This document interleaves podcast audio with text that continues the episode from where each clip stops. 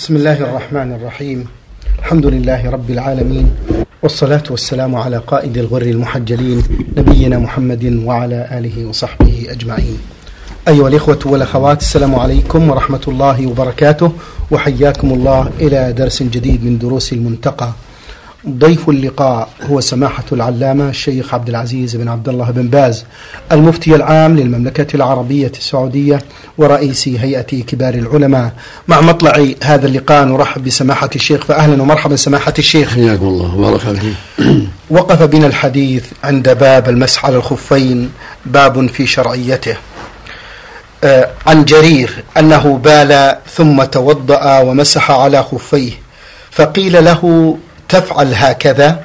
فقال نعم رأيت رسول الله صلى الله عليه وآله وسلم بال ثم توضأ ومسح على خفيه. قال إبراهيم وكان يعجبهم هذا الحديث لإن إسلام جرير كان بعد نزول المائدة متفق عليه.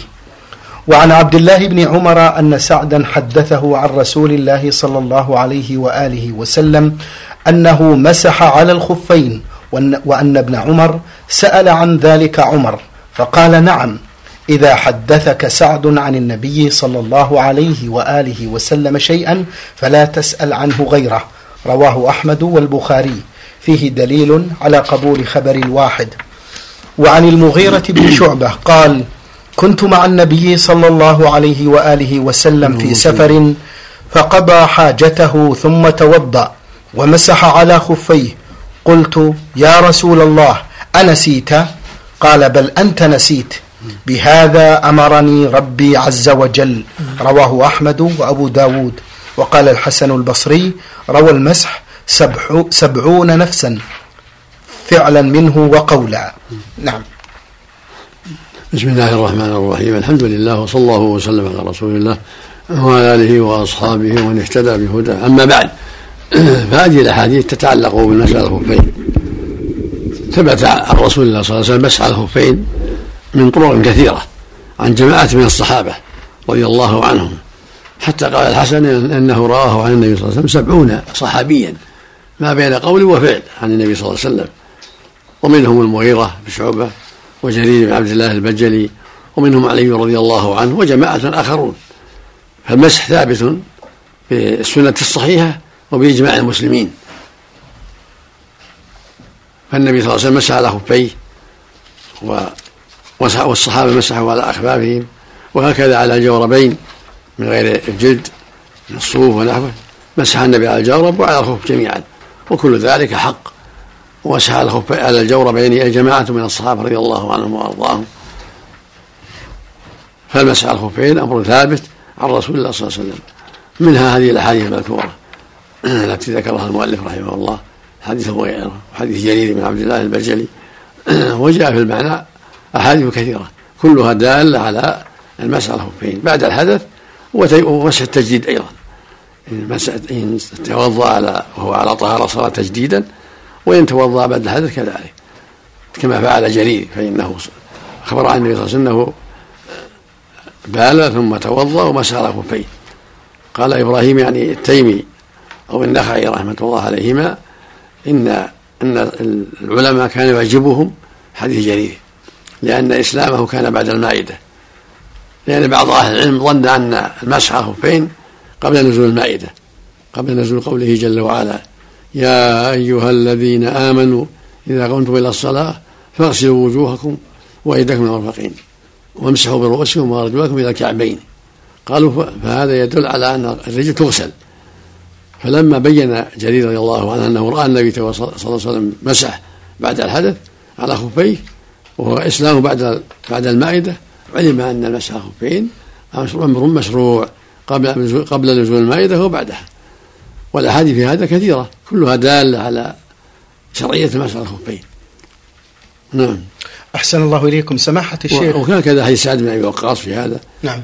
كله دالة على المسح على الخفين. وفي حديث سعد الدلالة على قبول خبر الواحد لأن عمر رضي الله عنه قال لابن عمر إذا حدثك سعد بشيء فلا تسأله غيره. دل ذلك على أن الصحابي إذا حدث النبي صلى الله عليه وسلم بحديث وجب قبوله ولو لم يرويه إلا واحد وهذا عند أهل العلم جميعا. من هذا حديث عمر بن الخطاب رضي الله عنه في في النية إنما الأعمال بالنيات فإنه فرد به عمر رضي الله عنه وأرضاه كما جاء بالأسانيد الصحيحة وهو حجة عند الجميع. نعم. أحسن الله إليكم. قال المؤلف رحمه الله باب المسح على الموقين وعلى الجوربين والنعلين جميعا. عن بلال قال رأيت رسول الله صلى الله عليه وآله وسلم يمسح على الموقين والخمار رواه أحمد ولأبي داود وكان يخرج يقضي حاجته فآتيه بالماء فيتوضأ ويمسح على عمامته وموقيه. ولسعيد بن منصور في سننه عن بلال قال سمعت رسول الله صلى الله عليه وسلم يقول امسحوا على النصيف الخمار والموق وعن المغيرة بن شعبة أن رسول الله صلى الله عليه وسلم توضأ ومسح الجوربين والنعلين. رواه الخمسة إلا النسائي وصححه الترمذي.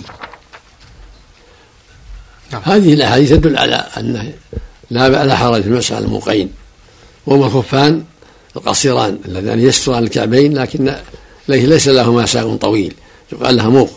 الخف القصير يستر الكعبين ولكن ليس له ساق طويل يقال له موق. وكذلك المسح على الجوربين كل ذلك لا بأس به. النبي مسح على الموقين والجوربين والعمامة ويسمى الخمار. كل ذلك لا بأس به. إذا كان الموق ساترا والجورب ساترا صفيقا فإنه يمسح عليهما كالجوربين. فالجورب كالخفين فالخف من الجلد فيجوز المسح على الخفين والجوربين والموقين وهما الخفان القصيرا الساق لكنهما ساتران للكعبين للقدم والكعبين. وهكذا الخمار والعمامة إذا ساتر الرأس يمسح على العمامة التي المحنكة التي تطوى تلف على الرأس لأن نزعها قد يشق فإذا لبسها على طهارة يمسح عليها يوم وليلة. وهكذا الخمار الذي ترويه المرأة على رأسها يشق عليها نزعه فإنها تمسح عليه يوم وليلة. إذا لبسته على طهارة كالخفين. والنبي صلى الله عليه وسلم مسح العمامة و والخفين عليه عليه الصلاة والسلام. ومسح على ما ظهر من الرأس كما في حديث المغيرة. فإذا جعل عمامة على رأسه ومحنكة مسح عليها وعلى ما ظهر من الرأس. وهكذا المرأة في الخمار إذا كان إذا كان جعلته لفته على حنكها وعلى رأسها وشق عليه نزعه وهي ولبسته على طهارة فإنها تمسح عليه كالعمامة وكالخفين يوم وليلة للمقيم وثلاثة أيام بلياليها للمسافر نعم. أحسن الله إليكم. سماحة الشيخ الحقيقة يتساءل كثير من الإخوان بالنسبة للخفاف والجوارب هل يقاس عليهما كل ملبوس من غيرهما؟ إذا صنع للرجلين يمسح عليه سواء سمي جورب أو سمي خف أو سمي باسم آخر إذا كان يسر الكعبين والقدمين مما يلبس على القدمين لتوقي الحر والبرد ونحو ذلك يمسح عليه سواء كان من جلد أو من صوف أو من شعر أو من قطن إذا كان ساتر القدمين والكعبين. نعم. قال بعض العلماء بأن أحاديث المسح متواترة ويقول الإمام أحمد فيه أربعون حديثا. تعليق سماحتكم على ذلك؟ نعم لا أحاديث متواترة ثابتة من طريق التواتر. في الصحيحين وغيرهما نعم. ما هو الأفضل سماحة الشيخ المسح من الغسل؟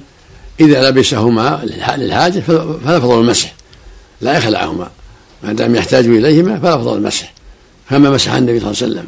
يوم وليلة المقيم وثلاثة للمسافر بعد الحدث. المدة تبدأ بعد الحدث بعد المسح بعد الحدث يوم وليلة المقيم وثلاثة أيام بلياليها للمسافر للرجل والمرأة. نعم. سماحة الشيخ حفظكم الله ما صحة ما اشترطه الفقهاء أن يكون ساترين لمحل الفرض؟ لا بد من هذا. شرط. لا بد يكون خوف ساترة والزوجة ساترة وإلا لم يجوز المسح عليه.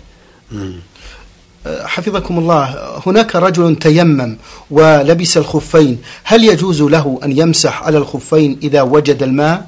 علما بأنه لبسهما على طهارة التيمم؟ نعم الصواب لا لا بأس. الصواب لا بأس لأن التيمم طهارة شرعية. التيمم يرفع الحدث على الصحيح كالماء. فإذا لبسهما على طهارة جاز المسح عليهما.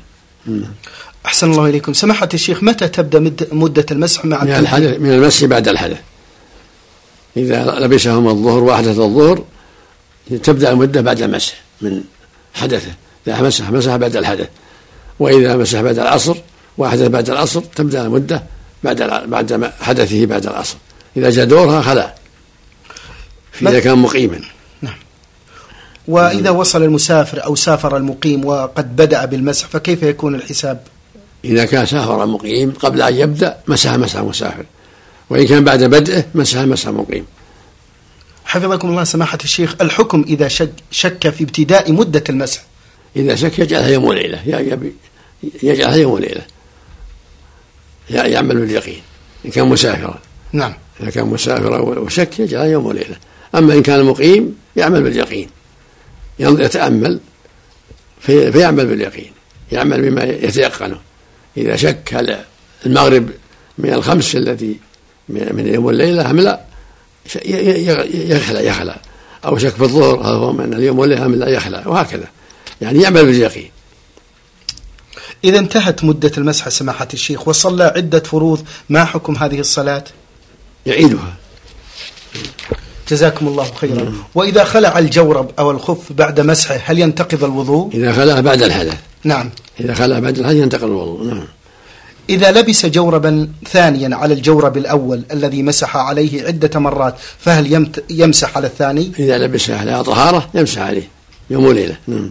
كما لو لبس على جبيرة مسح عليها. نعم. حفظكم الله سماحة الشيخ هل يمسح عليهما جميعا أم يبدأ يمسح على الأعلى. نعم. يمسح على اللي لبس على الطهارة. نعم. يروى عن ابن عباس سماحة الشيخ ما مسح الرسول بعد المائدة ما صحة هذا الأثر؟ لا أعلم له صح.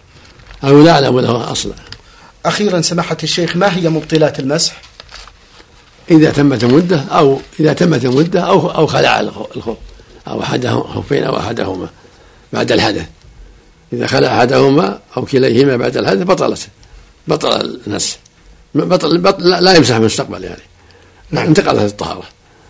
وكذلك إذا تمت المدة يوم وليلة المسافر ثلاثة أيام من لياليها يوم وليلة المقيم ثلاثة أيام لياليها للمسافر إذا تمت المدة انتهى حكم المسح. يخلع.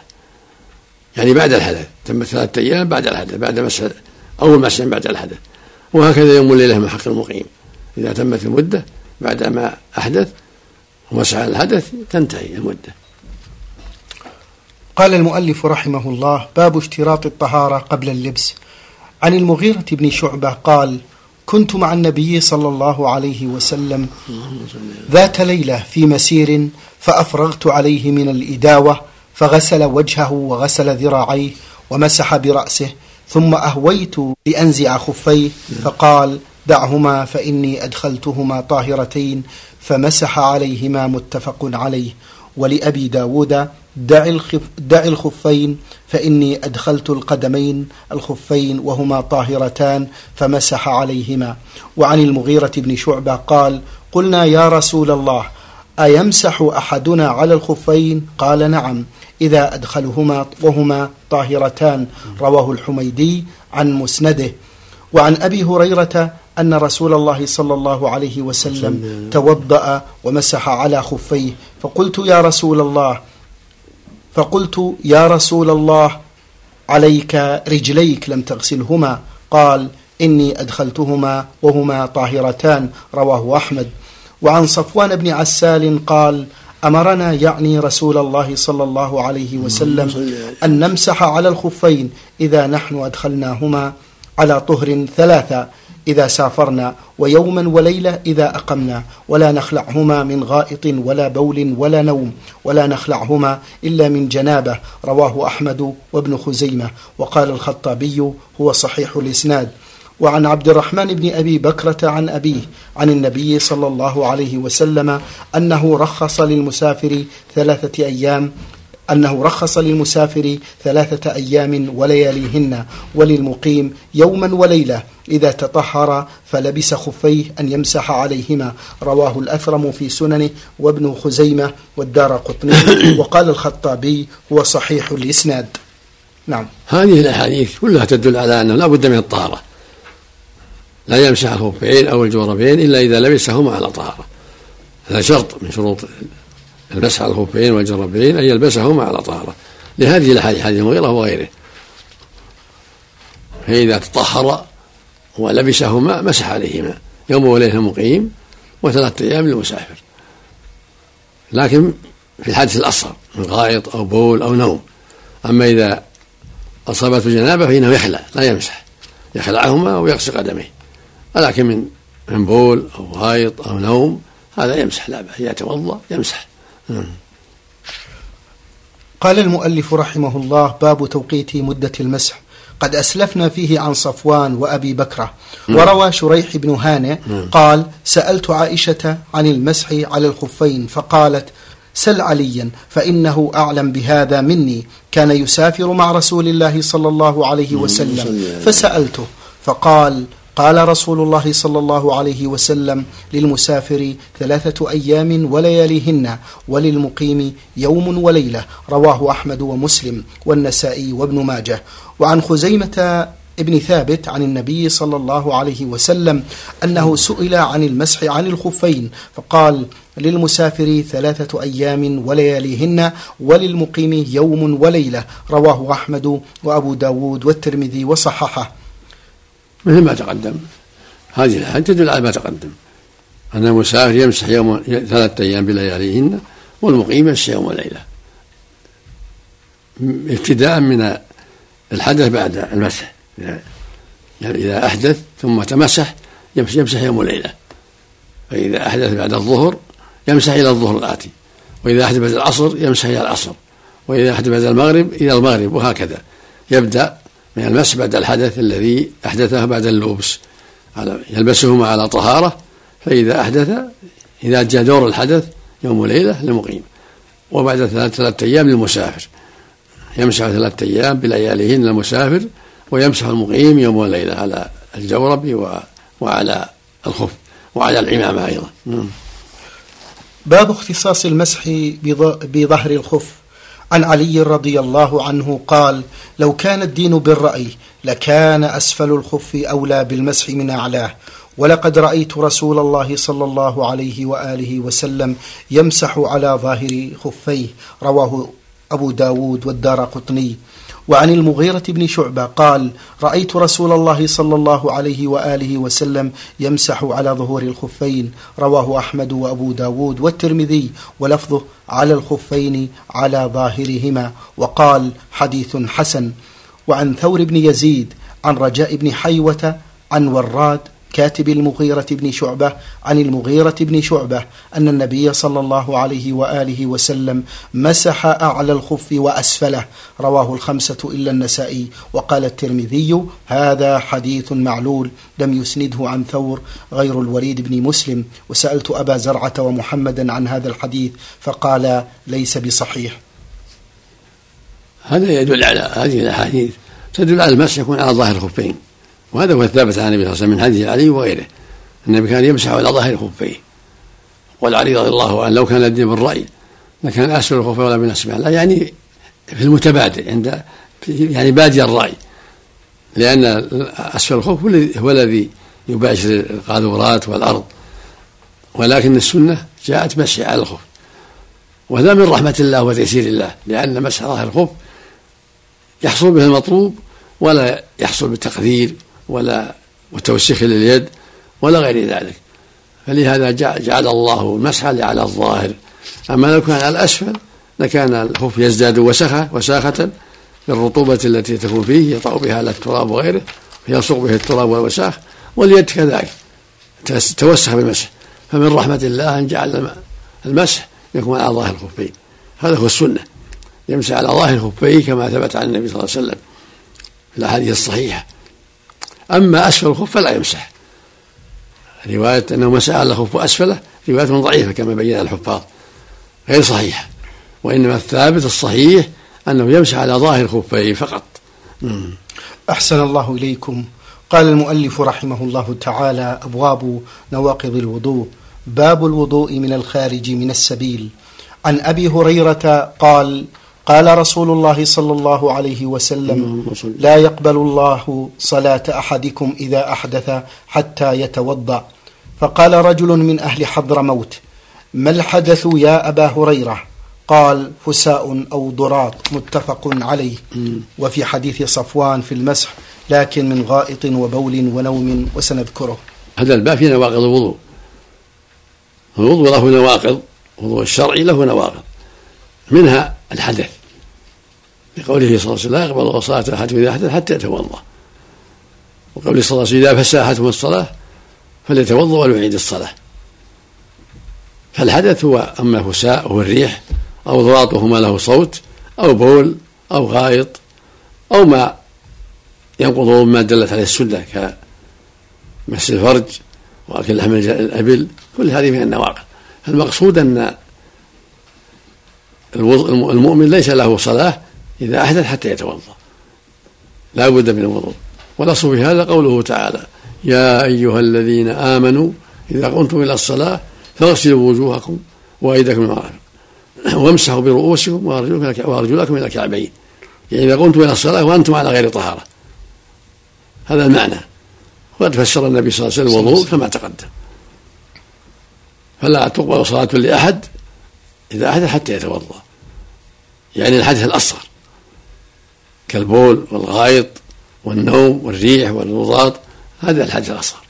أما الجنابة فلا بد من الغسل ما يجري الوضوء كما كما تقدم في حديث صفوان بن عسان إنما هذا في الحدث الأصغر يتوضأ. أما الحدث الأكبر وهو الجنابة فهذا لا بد من الغسل وهذا هذا الحيض والنفاس. نعم. أحسن الله إليكم سماحة الشيخ إذا خرج البول من غير السبيلين كما يحصل لبعض المرضى في المستشفيات هل ينتقض الوضوء؟ إذا جعل له طريق آخر سد طريق وصلى طريق آخر ينتقض الوضوء بالبول. نعم.